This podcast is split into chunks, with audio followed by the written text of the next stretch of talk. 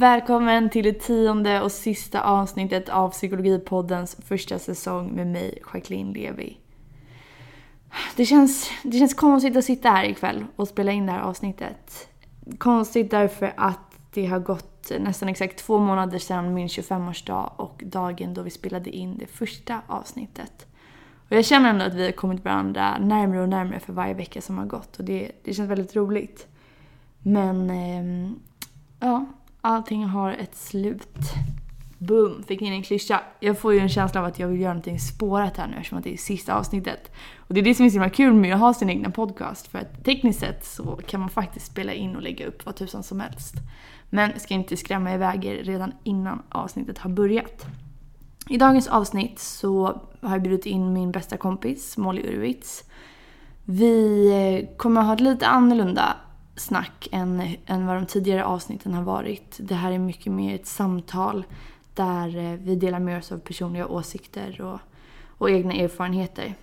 Så att, eh, ja, jag hoppas att ni gillar det även fast det är ett lite annorlunda format. Temat på dagens avsnitt är psykisk hållbarhet. Psykisk hållbarhet, ja, vad är det då kan man ju fråga sig. Jo, vi pratar ju väldigt mycket om ekonomisk hållbarhet och ekologisk hållbarhet. Men ingenting av de här spelar ju faktiskt någon roll om det är så att människorna som befinner sig i de här och som ska vara och bete sig hållbart inte håller själva. Och det finns många saker som bidrar till psykisk hållbarhet och det finns många saker som bidrar till att vi inte lever psykiskt hållbart. Och några av de sakerna kommer vi prata om idag. Ett litet tips som jag har gett till många patienter det är att eh, många har ju som en inre röst som talar till en själv. Man kan ju ja, diskutera om det är en inre röst eller om det är en själv eller ja, vem det nu är man pratar med där inne. Men i varje fall, om ni tänker att ni tar som två klädnypor. Att ni sätter de här klädnyporna i axlarna på den här personen, den här inre rösten. Och så lyfter ni ut den ur er själv. Så att den inre rösten är en person bredvid dig istället. Och så föreställer ni er att den här inre rösten, alltså du själv, egentligen är en av dina kompisar. Och så tänker ni på hur den här inre rösten talar till er. Och av erfarenhet så vill jag ändå säga att det är väldigt många som inte skulle vilja vara kompis med den här rösten, alltså med sig själv. Om det var så att, att det var någon annan som sa alla de här sakerna till en. Så att ett tips när ni är lite väl hårda mot er själva oavsett situation. Det är att tänka att hur hade jag reagerat om det här faktiskt var en vän som sa det här till mig? Och så kanske man kan försöka med en lite snällare ton till sig själv. Och prata med sig själv som om man, ja, som om man pratade med sin kompis. Och prata med en kompis, det är precis det jag ska göra nu. Så att jag tycker vi sätter igång med dagens samtal.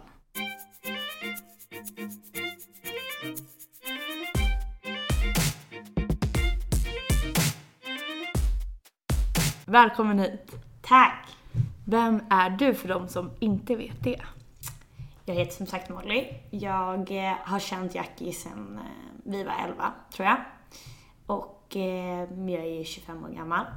Och jag har precis kommit hem från Wild West. Så jag är lite trött, men jag mår bra. Ehm, du frågade vem jag är. Ehm, jag är en ex-studerande filosofi, ekonomi, ja, tjej. Du har ju väldigt nyligen kommit hem från New York där du har bott de senaste fem åren. Och du sa att du hade pluggat ekonomi och filosofi. Vad betyder det i, eller vad innebär det liksom i lite fler ord än just de två? Ja, jag kan börja med ekonomin.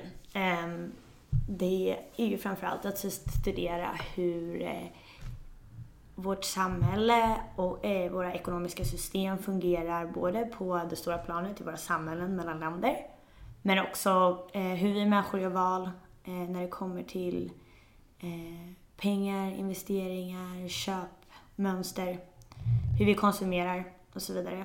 Och hur det påverkar vår gemensamma ekonomiska samvaro med olika modeller och teorier för um, långsiktiga och kortsiktiga perspektiv.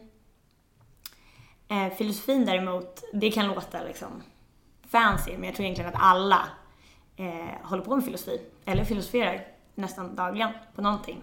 Men filosofi handlar ju om att ställa så många olika frågor som möjligt och försöka hitta svaren. Och det kan vara över massa olika ämnen. Det kan vara frågor som vad är verkligt? Ehm, det här bordet vi sitter vid nu, finns det på riktigt eller finns det inte?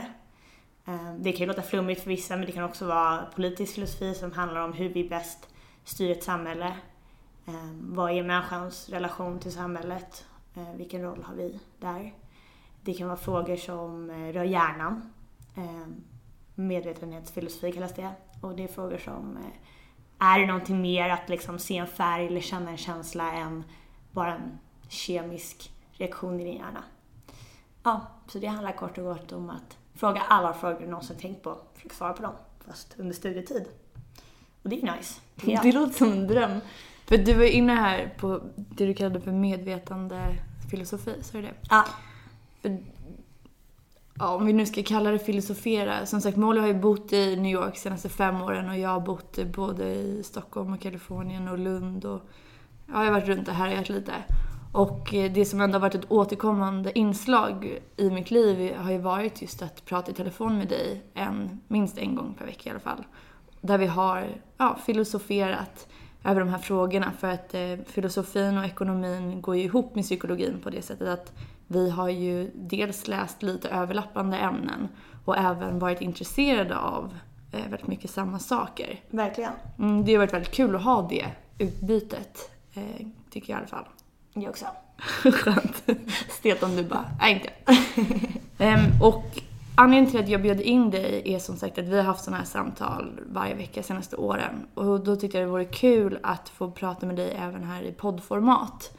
Om några av de sakerna som eh, jag tror rör både oss, det vet jag, men även många av lyssnarna. Och samtalsämnet för idag är det som jag kallar för psykisk hållbarhet. Man pratar ju väldigt mycket om ekonomisk hållbarhet, om ekologisk eller miljömässig hållbarhet. Eh, men jag tycker att det är sjukt viktigt att prata om något som heter mänsklig hållbarhet. Framförallt den senaste, de senaste månaderna i våra liv kanske, eller det senaste året, ehm, så handlar ju just mycket om, när vi börjar komma upp i ålder, kanske inte för alla, men för oss, ålder. Ehm, och vi funderar mycket på, man får längre perspektiv, ehm, och vi kanske utsätts för mer stress, mer påfrestningar, mer krav än vi gjort tidigare i våra liv. Och jag tror att med det har våra samtal liksom ganska naturligt eh, kommit in på just psykologisk eller psykisk hållbarhet. Hur ska vi, hur klarar vi liksom eh, alla att eh, allting som rör, rör runt oss, är runt oss ehm, och hur vi ska tänka hållbart kring det. Precis, för att eh, till exempel med den här podden har det ju varit, inte lätt för mig ska jag inte säga, men som oftast när man ska ge råd till andra så är det ju ganska lätt att säga så här ska ni göra, så här ska ni inte göra. Men eh, sen så sitter man ju där själv och gör precis tvärt emot det man lär ut. Och eh, jag fick höra en saga faktiskt häromdagen som jag tänkte jag ville berätta för dig som vi kan ha lite som utgångspunkt. Jättebra.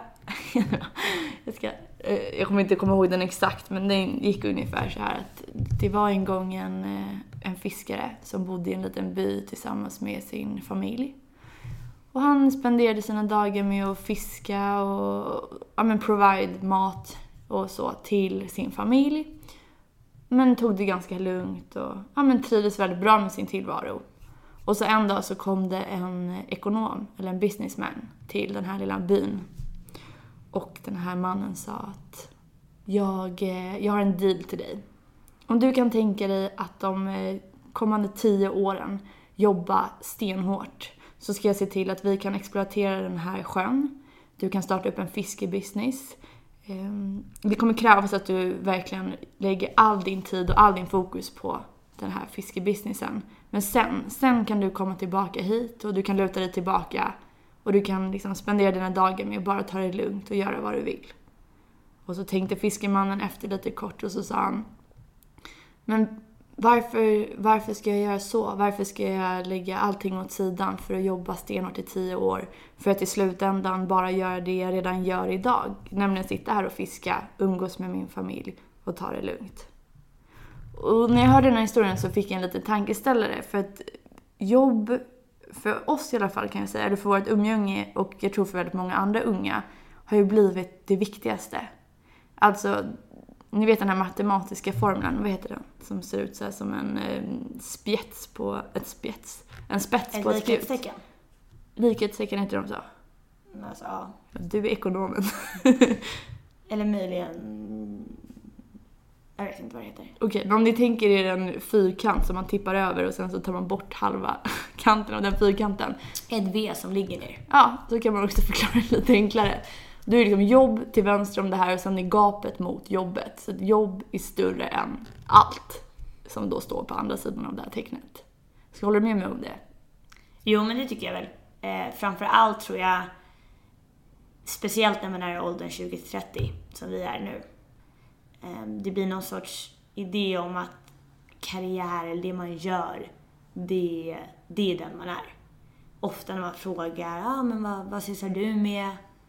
Eh, vad gör du för något? Då menar man ju så, vad gör du för något eh, karriärsmässigt eller jobbmässigt? Det andra är liksom inte eh, det mest relevanta. Det känns som att slutprodukten har blivit viktigare än liksom vägen dit. Utan, nu låter jag kanske lite klyschig här, men att kunna liksom säga att man har en titel, eller man säger så här när man är liten, vad vill du bli när du blir stor? Ja, men jag vill bli A, B eller C. Men man frågar sig inte vad vill du uträtta när du blir stor? Varför vill du bli det här när du blir stor? Alla de här frågorna som du sa att filosofin, liksom att man ställer sig själv de här frågorna, de kommer helt i skymundan. Det här är ju någonting som, som vi har pratat mycket om och som verkligen på senare tid ehm, jag har frågat mig själv då jag har hamnat lite i en situation där jag har gjort massa roliga saker men inte riktigt vet var jag är på väg. Och det är inte helt ovanligt men jag tror jag har också börjat upptäcka kanske vad kärnan till den här liksom extrema eh, förvirringen som jag ändå har känt kring mitt liv. Och eh, jag, jag var när jag var liten i princip världens minst ifrågasättande barn.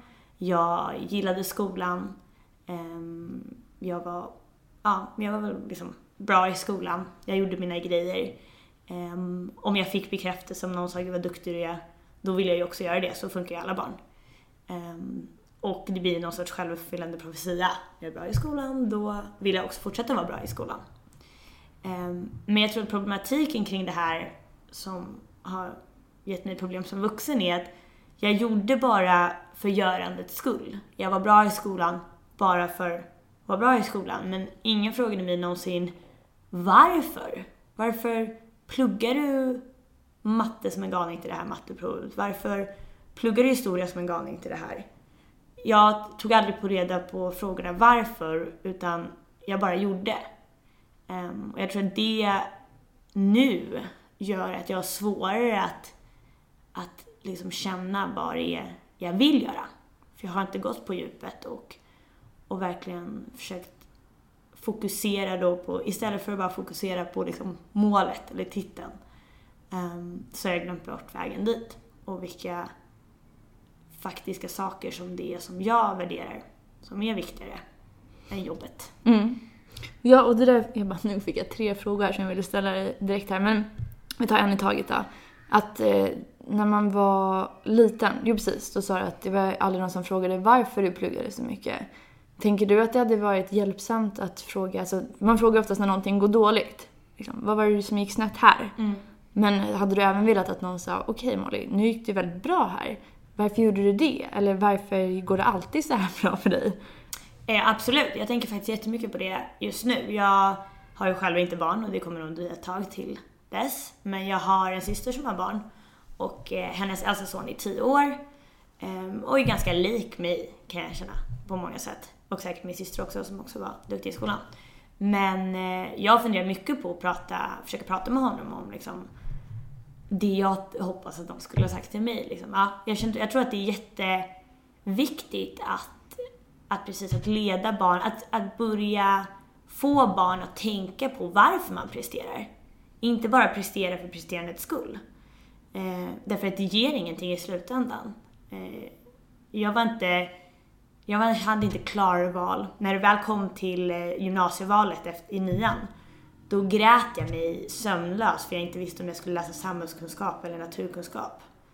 Um, så bara för att jag var bra 7, 8, 9 så är bra i skolan eller i många ämnen så ledde det mig ingenstans på vägen. Mm. Ja, jag tänker att det där är nog ganska vanligt att, att vi växer upp i ett samhälle som som berömmer ett, ett gott slutresultat till exempel, men kanske inte är så duktiga på att fråga sig varför det liksom gick så bra, men också att man ska bedöma, eller säga, berömma prestationen. Alltså även om du inte fick ett MVG, vi säger att du skulle få ett G, men du har kämpat skithårt för att få det där G. Alltså då, fattar du, då ska man ju säga vad, vad duktig du är som, som har lagt så mycket tid på att plugga här. Att man även kan berömma även när det inte med liksom objektiva mått inom situationstecken gick så pass bra som, som är det bästa.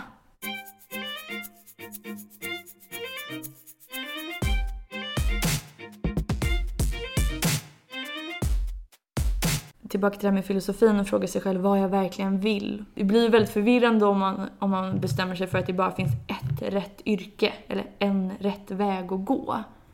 Eller hur tänker du? Jo, det där är, det är roligt hur de här två kan låta paradoxala men jag tror ändå hänger ihop på något sätt. För det är ju någonting som jag också har haft problem med, liksom, att man måste inse att det kan bli bra på flera olika sätt eller flera olika vägar. Det är inte vägen i sig. Men det hänger ihop lite med mål, mål och väg-teorin. Um, vägen är ju liksom den du bygger. Så oavsett vad målet är där framme så kanske vägen ser vägen för dig ser ganska liknande ut för den är mer beroende på vem du är som person. Mm. Vilka val du gör, vad du gör för någonting. Mm, mm. Men eh, det är en annan liten kort sak bara för att liksom avsluta den tanken är att jag eh, faktiskt efter jag var klar på eh, universitetet så läste jag en artikel som jag hade läst innan jag började på universitetet. Eh, som hämtade lite inspiration från uh, Confucius, kinesisk filosofi. Och den, hans teori, eller liksom hans stora idé om människan är att eh, vi, är inte, vi är inte en människa, eller vi är inte menade att vara en sorts människa, eller liksom, det, finns inte, det finns inte en förutbestämd Jackie, eller en förutbestämd Molly. Utan människan är konstant i flux. Och det är vad det är att vara människa. Vi ändras konstant, vi får nya insikter, nya lärdomar eh, och så förändras vi. Vi liksom byter skepnad varje dag. Och att universitetet eller eh, liksom 20 till 25 inte behöver handla om att självförverkliga liksom den rätta bilden av Jackie eller att liksom dina fyra år på universitetet ska handla om att, det, att nå den där den Jackie som finns förutbestämd. Den finns inte. Eh, och den insikten är på något sätt väldigt skön. Eh, och jag önskar att jag hade haft den tidigare. Eh, jag läste ju då på ett amerikanskt universitet och där får man ju välja väldigt mycket olika kurser. Och jag tror att det är lätt att tänka att ah, om jag provar tillräckligt mycket så kommer jag hamna på den rätta Molly som hon är menad att, att, det, att studera eller att, att bli. Eh, men det är ju bara en illusion. Mm. Eh, det är inte målet. Det är liksom inte att nå Molly, filosofen. Då kommer allt kännas bra. Utan... Då kommer det kännas ännu värre. ja. Nej, men eh, så det tror jag är jättesant. Alltså det är lätt för oss, nu låter det som att vi har kommit till de här insikterna och vi har nått liksom, nej så är det inte kan jag bara tala om. Så det är inte så att vi sitter här och preachar. Imorgon kommer vi alltid ha samma samtal igen. Precis. Och, och så kanske det är ibland, att man måste slå in vissa insikter. Och det jag tänker med det här med, med jobb och att det liksom har blivit viktigare än allt. Jag tänker att det är också ett barn av våran tid, om man säger. Alltså att vi, förr i tiden, så hade du inte lika många valmöjligheter. Oavsett vad vi pratar om, vi kan snacka restauranger, val av partner, utbildning, om du ens fick utbilda dig eh, och så vidare och så vidare. Så förut var det nog mer att man skulle liksom tillfredsställa vissa behov. Behov av kärlek, behov av närhet, behov av utbildning, behov av sysselsättning och så vidare. Men att i dagens samhälle så har vi nått istället att man ska maximera det handlar inte om att fylla något behov utan du ska fylla behovet och du ska fan fylla det så pass bra att det inte går att fyllas bättre på något annat sätt. Och det blir ju också väldigt problematiskt för då kan du heller aldrig nöja dig. Därför att du jämför dig med många fler och det finns ju så att säga alltid något bättre jobb eller mer betalt eller annan utbildning eller... Nej. Um, det... Jag vet inte om vi kommer prata om det kanske lite senare. Men eh, det vi har börjat prata om tror jag ganska nyligen och som du har pratat mycket om är ju om det finns ett optimalt eh, eller jag vet inte om man ska säga, men en optimal omgivning eller liksom samhällsbild för våra hjärnor. Mm.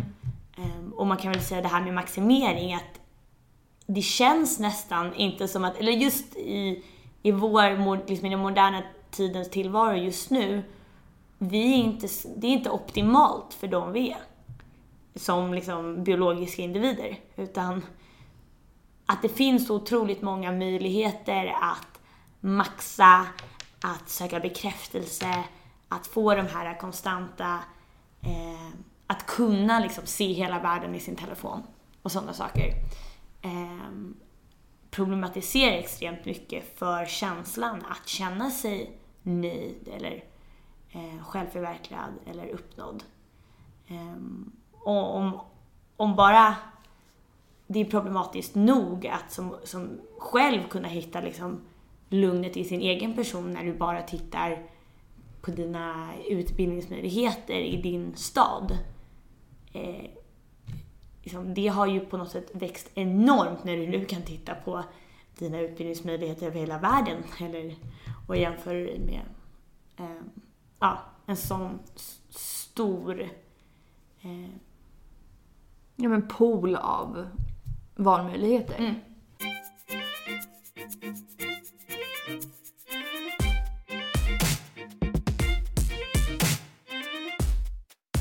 Dagens arbetsmarknad ser ut på så sätt att du är utbytbar. Men jag tycker också att, att det kan ligga någonting friskt i att inse att du är utbytbar ingenting står och faller med dig. Nej, för det är ju så jäkla kul. Alltså man intalar ju sig själv väldigt många saker. Och det tror jag också innebär en stor stress och som liksom drar ner på den psykiska hållbarheten, eller som kan vara skadligt för vår hållbarhet. Det är att man tror att alla de här besluten som man tar är så livsviktiga. Och att det inte är som i Vem vill bli miljonär? Det finns inte tre svar som håller på, de är bara där för att lura dig.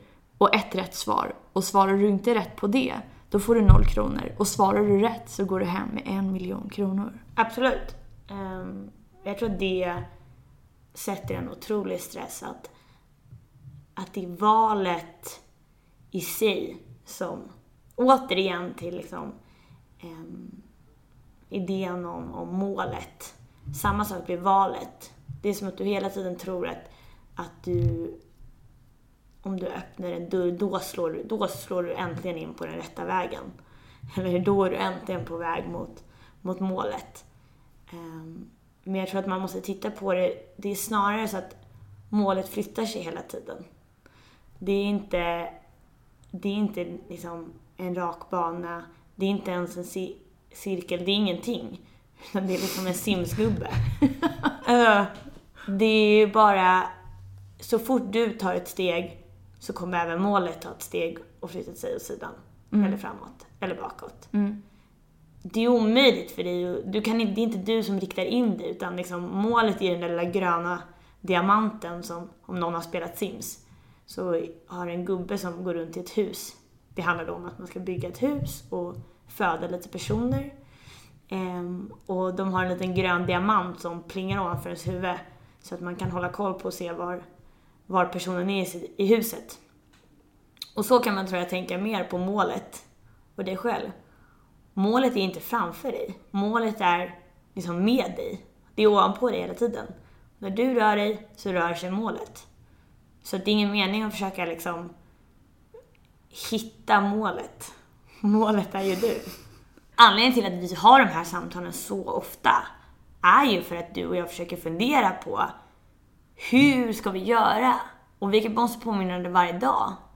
Ehm, och i varje samtal, ofta så liksom berättar vi bara samma sak för varandra, vi går igenom samma saker.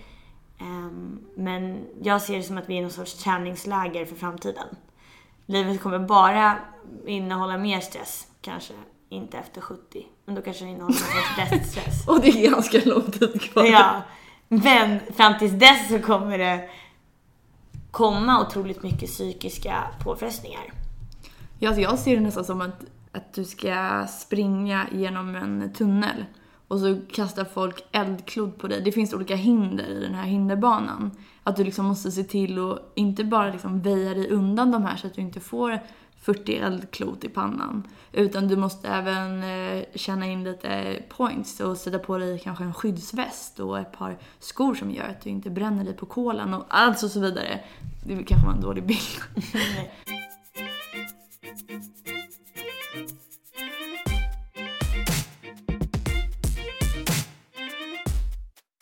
Det som vi ska gå in på nu i sociala medier, det är ju kanske ett praktexempel på, alla fall i mitt liv, någonting som är en bov, men som jag kan ta kontroll över. Och eh, kidnappa, sätta i fängelset. Låsa in, Boom. aldrig mer se. Köp upp huset på Monopol, äger fängelset. Okej, men eh, kan du förklara vad du menar här? Var, varför är sociala medier en bov som du ska sätta i fängelse? Jo, men först ska vi kanske säga, vi är ju inga... Det finns säkert folk som... Nu låter det som att vi är liksom bloggers och har värsta Twitterkontot och sociala medier tar upp tio timmar vår dag. Men jag tror det är viktigt att säga att vi inte är det och att men det är inte det Men med sociala medier tar ändå upp 10 timmar. Ja, exakt. Det är det jag menar. Man behöver inte vara en sån som, eh, som eh, har allt i sitt liv för att, Som jobbar med det. ja, eller liksom gör jättemycket. Vi är inte liksom några galna instagrammare, men jag tycker fortfarande att det tar upp för stor del av mitt liv och framförallt den, det behöver inte ens, när vi säger sociala medier så kanske vi pratar liksom, jag tycker teknologi överhuvudtaget. Um, det är liksom telefonen som den ser ut i handen. och allt den kan göra som stör mig. Och det är kul för nu så säger vi så här, telefon, det är telefonens fel, det är sociala mediernas fel. Och vem bär ansvaret? Nej, ja. Nej men alltså bara det var så kul att man säger så här, men det är telefonen som tar upp tiden. Det är ju jag som är på telefonen, det är inte telefonen som är, är med mig. Eller fast man kan ju tro det ibland. Om jag frågar dig då. Om du tänker, när fick man iPhone kom för kanske? I, när fick man en iPhone? Kanske... Vi säger smartphone, vi räknar inte med att alla har en iPhone. Oh, okej, du har helt rätt. Smartphone är ju liksom den sociala telefonen. Okej. Oavsett vilket märke. Boo. Jag är inte sponsrad av Apple, om vi säger så. Okej, men om man frågar sig då...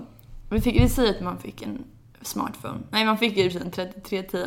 Den var så rolig. Men sen fick man kanske en smartphone. Och Jag fick nog det kanske i gymnasiet. Okej, nu har vi utrett in i minsta detalj när man fick en. Hela idén handlar om att frågan handlar om att man fick en smartphone för ungefär sju år sedan säger vi då.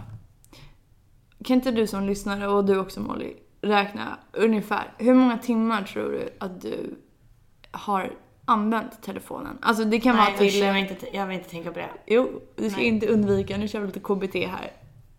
Jag snitt, nu ska jag vara ärlig, men alltså jag, jag kan säkert snitta en tre timmar om dagen. Alltså om jag räknar in ehm, ja, sms, telefon, Instagram, Facebook, Mm. TV, Netflix. Jag, jag tror att de, de flesta som lyssnar är ärliga mot sig själva så är det nog väldigt få som är, ligger under tre timmar. Alltså många jobbar ju på sina mobiler också. Mm. Varför skulle du säga att det inte är hållbart för dig? Framförallt så tror jag, det kan vara töntigt, men jag, liksom, jag mår inte jag mår inte bra i kroppen av att jag att vara på telefonen. Alltså nu låter det som en, men man blir otroligt mycket mer stillasittande. Saker som jag skulle få gjort när jag istället hamnar i soffan med telefonen bidrar ju till ökad ångest. Så här, fan jag hann inte lägga in tvätten. Fan jag skulle göra det där. Nej nu blev det inte så. Jag satt på Instagram en halvtimme. Nu får jag springa till bussen istället. Det i sig är ju inte en skön känsla. Det ökar ju stressen. Ehm, och så det är en faktor att jag, det påverkar mig liksom nästan fysiologiskt. Både ur ett liksom rörelseperspektiv eh, och ur ett ehm, bara välmående i form av stressperspektiv.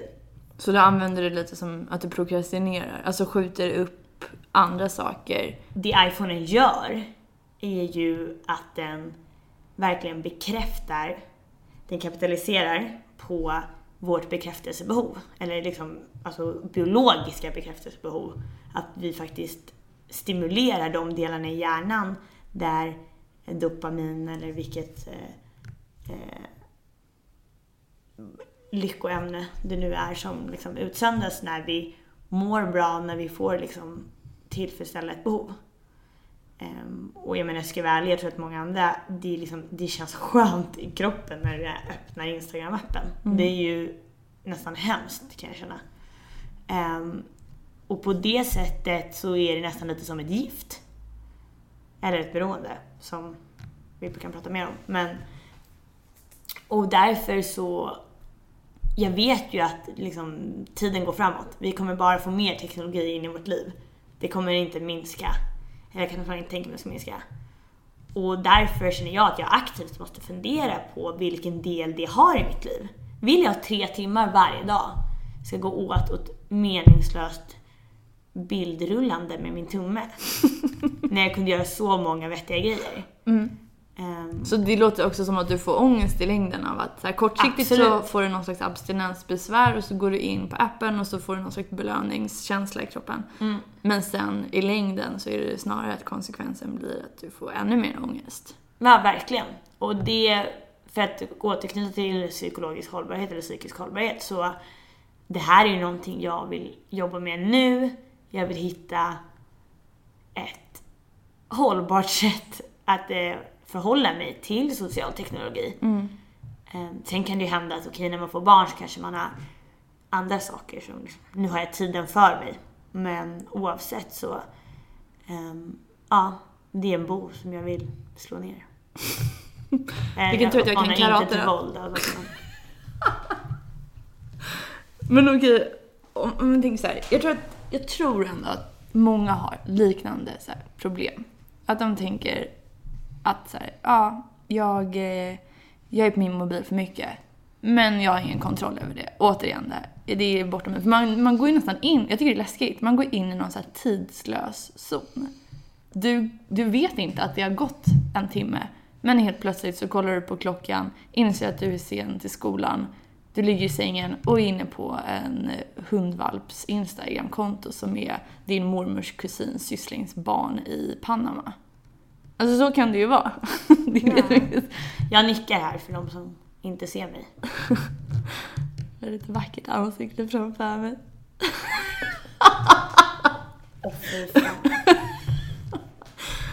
Men tillbaka till det här med alltså att sociala medier kan man säga kapitaliserar på hjärnans uppbyggnad. Vad betyder det? Okej, vi har ett behov av bekräftelse.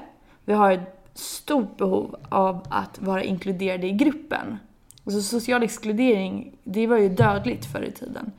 Om du inte var med i gruppen, du kunde liksom inte överleva själv. Och det är därför det är så viktigt för oss att, ja, men att se vad andra gör, att få bekräftelse, vilket vi får genom liksom likes, eh, bland annat. Och det som händer är att, okej okay, hur många gånger går, går ni lyssnare, eller du Molly, in på mobilen och kollar Instagram per dag? Fy fan tänka men... Jo men ge mig ett ärligt svar ändå. Säkert 10-20 gånger. 10-20 gånger, okej. Okay. Mm. Har det hänt någonting varje gång som du går in på de här? Nej. Men ibland har någonting kommit upp? Ibland har det kommit en ny bild kanske. Okej. Okay. Vi säger, okay, så det, ibland kommer det en, en intressant bild eller ja, någon som du undrar vad de gjorde just då kanske? Eller? Ja. Ja. Och hur många av de gångerna känner du att så här, mm, den här informationen berikade mitt liv? Aldrig. Typ. Jo. Jag följer några kanske så här, politiska konton. Ja, där kanske jag får vettig information. Det fungerar okay. mer som ett liksom, nyhetsflöde. Okej. Okay. Okej, okay, så det, om man kollar så här, psykologiskt sett så kallas det eller jag tänker att det i alla fall har med så intermittent förstärkning kallas det för. Det betyder att ibland så belönas ett beteende. Det följer liksom inte något jämnt mönster. Utan det kan vara, om du tänker på hur lotter är uppbyggda. Varför fortsätter folk köpa lotter när statistiskt sett är det liksom omöjligt att vinna den där miljonen? Jo, men det är samma sak där. För att tillräckligt ofta så belönas ditt beteende. Det förstärks. Och därför får det dig att tro liksom att ja, men det kan ju ändå hända. Och det är samma sak tror jag med sociala medier, att ibland så kan du ju liksom, kan det ha hänt någonting, det kan ha kommit upp någon bild, eller vad det nu kan vara. Och att det liksom driver. Och då, den förstärkningen är svårast att bryta psykologiskt sett. Om vi ska liksom knyta till, okej, vad kan vi göra? Kan vi ta kontroll över situationen? Det här är ju klart att liksom, det här är alla upp till en, var och en. Men eh, jag är ju helt ärlig liksom. Jag tar ju ofta, ofta och sen kommer de tillbaka, men att man tar bort apparna ett tag och går på detox. Mm. Ehm, för att vänja av sig vid att man behöver ja, liksom det här fejkbehovet som finns av att gå in och kolla på saker Mm. ehm, som är helt irrelevanta. Mm. Ehm, Ja, och otillgängliggöra sig. För det är samma sak där. Jag måste kolla. Jag måste se vad som händer. Jag måste vara tillgänglig på mail, sms, whatsapp och skype samtidigt. Det är samma sak där. mm, Att man måste ju faktiskt inte vara det. Och som du säger, att ta bort appar, åtminstone för ett tag. Alltså om man ska behandla det som ett missbruk, som vi ändå tycker att det kan vara. Förutom att det är så pass utbrett att det är ingen som tycker att det är patologiskt, alltså sjukligt. Men ställer man sig själv frågan, är det, är det inte ett missbruk? Alltså jag känner inte att jag har kontroll över mitt mobilanvändande och de timmarna jag lägger ner på det och hur jag mår av det och får abstinensbesvär. Då måste ju det ändå klassas som ett missbruk. absolut. Jag skulle absolut säga att jag har ett lättare telefon, social teknologi, missbruk. Mm. Ja, jag tänker att psykisk hållbarhet, det är, det är inte hållbart att vara tillgänglig hela tiden. Du kanske inte är fysiskt tillgänglig, alltså vi är inte i samma rum alltid. Men du är alltid psykiskt tillgänglig, eller aktiverad. Du får ju någon stimuli hela tiden. Det kan vara från datorn, det kan vara musik, det kan vara en podd. Så där måste man ju, det måste ju koka ner till någon slags doseringsfråga. Alla de sakerna som liksom, Psykologipodden har tagit upp under säsongen, i princip. Liksom, alla de är tårtbitar av den stora psykologiska hållbarhetskakan. Ja, Som verkligen. är oss. Mm. Ehm, och man kanske inte kan täcka in alla. Men man kanske kan börja med det som ligger närmast. Och det är ju det vi har pratat om idag. Sociala medier, um, karriärsjobb slash skolhets. Um, ja, och sitt eget välmående. Sen kanske mm, ja, motion och så vidare. Ja, och försöka inte jämföra sig så mycket. Det tror jag är det skadligaste. När man är inne i det här ekorrhjulet så kollar man på alla andra ekorrar. De kommer uppenbarligen springa åt samma håll som du gör. Ni är fast i ett hjul. Nej men faktiskt. att så här, man får stanna upp. Tänka okej, vad är det jag gör? Varför gör jag det här? Man behöver inte filosofera på varenda grej, men det är faktiskt viktigt att göra det för jag tror att annars blir det liksom ett tomt skal. Okej, jag känner att det är dags för oss att runda av. Jag känner att jag vill inte sluta prata för att jag vill inte att den här första säsongen ska ta slut. Men eh, allting har ett slut och även den här poddens ja, första säsong. Om man tänker ett, eh, som ett spektra, det kan man ju också applicera på att allting behöver inte vara allt eller inget. Det är farligt att ha ett dikotontänkande, alltså ett allt eller inget tänk. Om man mer tar det som normalfördelning eller som ett spektra att det kan vara lite mer eller lite mindre åt olika håll. Det behöver inte vara antingen eller. Du behöver inte antingen vara stressad eller inte stressad. Ha ångest eller inte ha ångest. Springa maraton eller ligga i sängen. Utan om man liksom kan tänka sig att man kan röra sig lite längs det här spektrat eller längs den här normalfördelningskurvan. Då tror jag att det blir lite lättare att, att göra en förändring också. För då blir det inte lika stora steg man behöver ta. Nej, det tror jag kan, man kan applicera på sig själv. Det är liksom målbilden som vi har pratat om. Eller, inte målbilden, förlåt. Men, eh, jo, i och för sig, alltså idén om sig själv. Den är inte liksom allt eller inget. Eller den är inte en person, eller inte den personen. Den är ett spektrum. Och du glider konstant längs det här spektrumet. Ibland är du mer psykologi-Jackie. Men det betyder inte att du inte får vara kreativa Jackie eller någon annan sorts Jackie. Och eh, det tror jag också är viktigt för att känna mindre stress. Mm. Ja, ingenting är set in stone. Ni kommer hitta mig inom diverse andra poddar. Nej jag skojar. Jag skojar bara. Ni hittar mig Kockpodden, Bilpodden, Ljusstövningspodden. Finanspodden. Vet du vad? Man vet aldrig. Never know. You never know. Åh, jag kommer sakna er allihopa. Ha en fantastisk, fantastisk avslut av den här sommaren. Vi hörs snart igen. Puss och kram. Hejdå!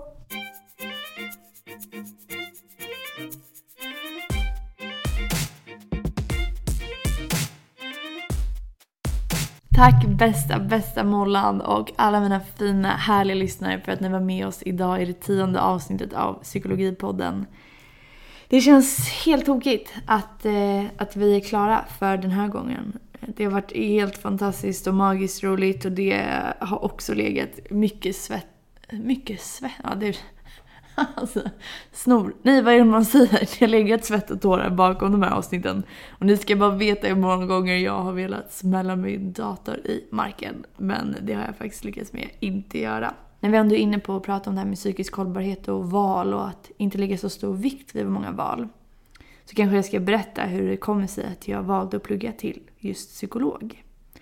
Och som jag sa tidigare i avsnittet, det är väldigt få gånger som man vet sen man var liten vad det är man vill göra. Eller, eller till och med när man är stor vet man inte vad man vill göra. Och många gånger så ändrar man vad man vill göra. Och så funkar jag, att jag vill göra massa saker. Och jag kommer göra massa saker. Men man måste liksom göra en sak i taget. Vilket ibland kan vara svårt. Men jag visste i alla fall att jag ville läsa en yrkesutbildning. Så att jag eh, satt med min pappa och så skrev jag ner alla yrkesutbildningar på en servett. Och sen så, tro det eller ej, jag gjorde uteslutningsmetoden. För som vi har sagt tidigare, det är mycket lättare att veta vad man inte vill än vad man vill. Så jag strök alla alternativ som jag inte ville. Kvar var jag med två, tre alternativ, jag minns inte exakt. Och sen så utifrån det så blev det liksom mycket lättare för mig att välja vad vill jag testa på just nu. Och då blev det psykolog. Eh, och på den vägen var det. Men eh, kan jag då säga att det liksom var slumpen som avgjorde min framtid? Kan jag säga att det var just den där sekunden när jag satt och skrev på servetten som avgjorde min framtid? Nej, det kan jag inte.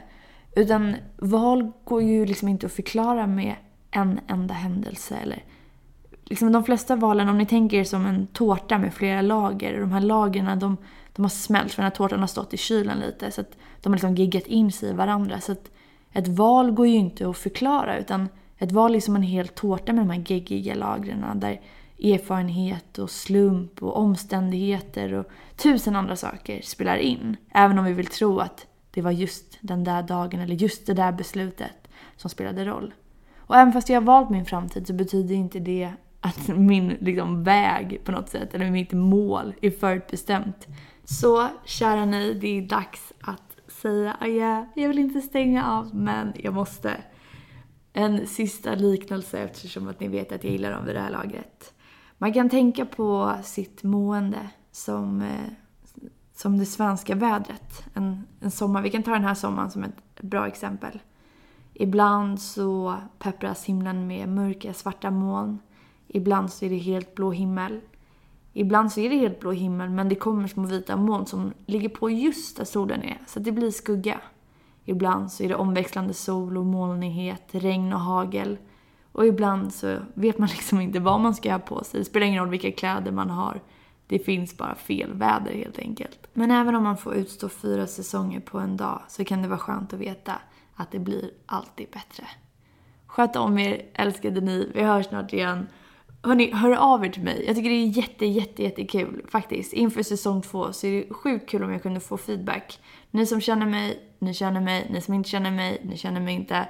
Ni kan alla höra av er. Var lite, äh, lite svenska, var lite osvenska nu och kom med feedback. Puss och kram, puss och kram, puss och kram. Hejdå!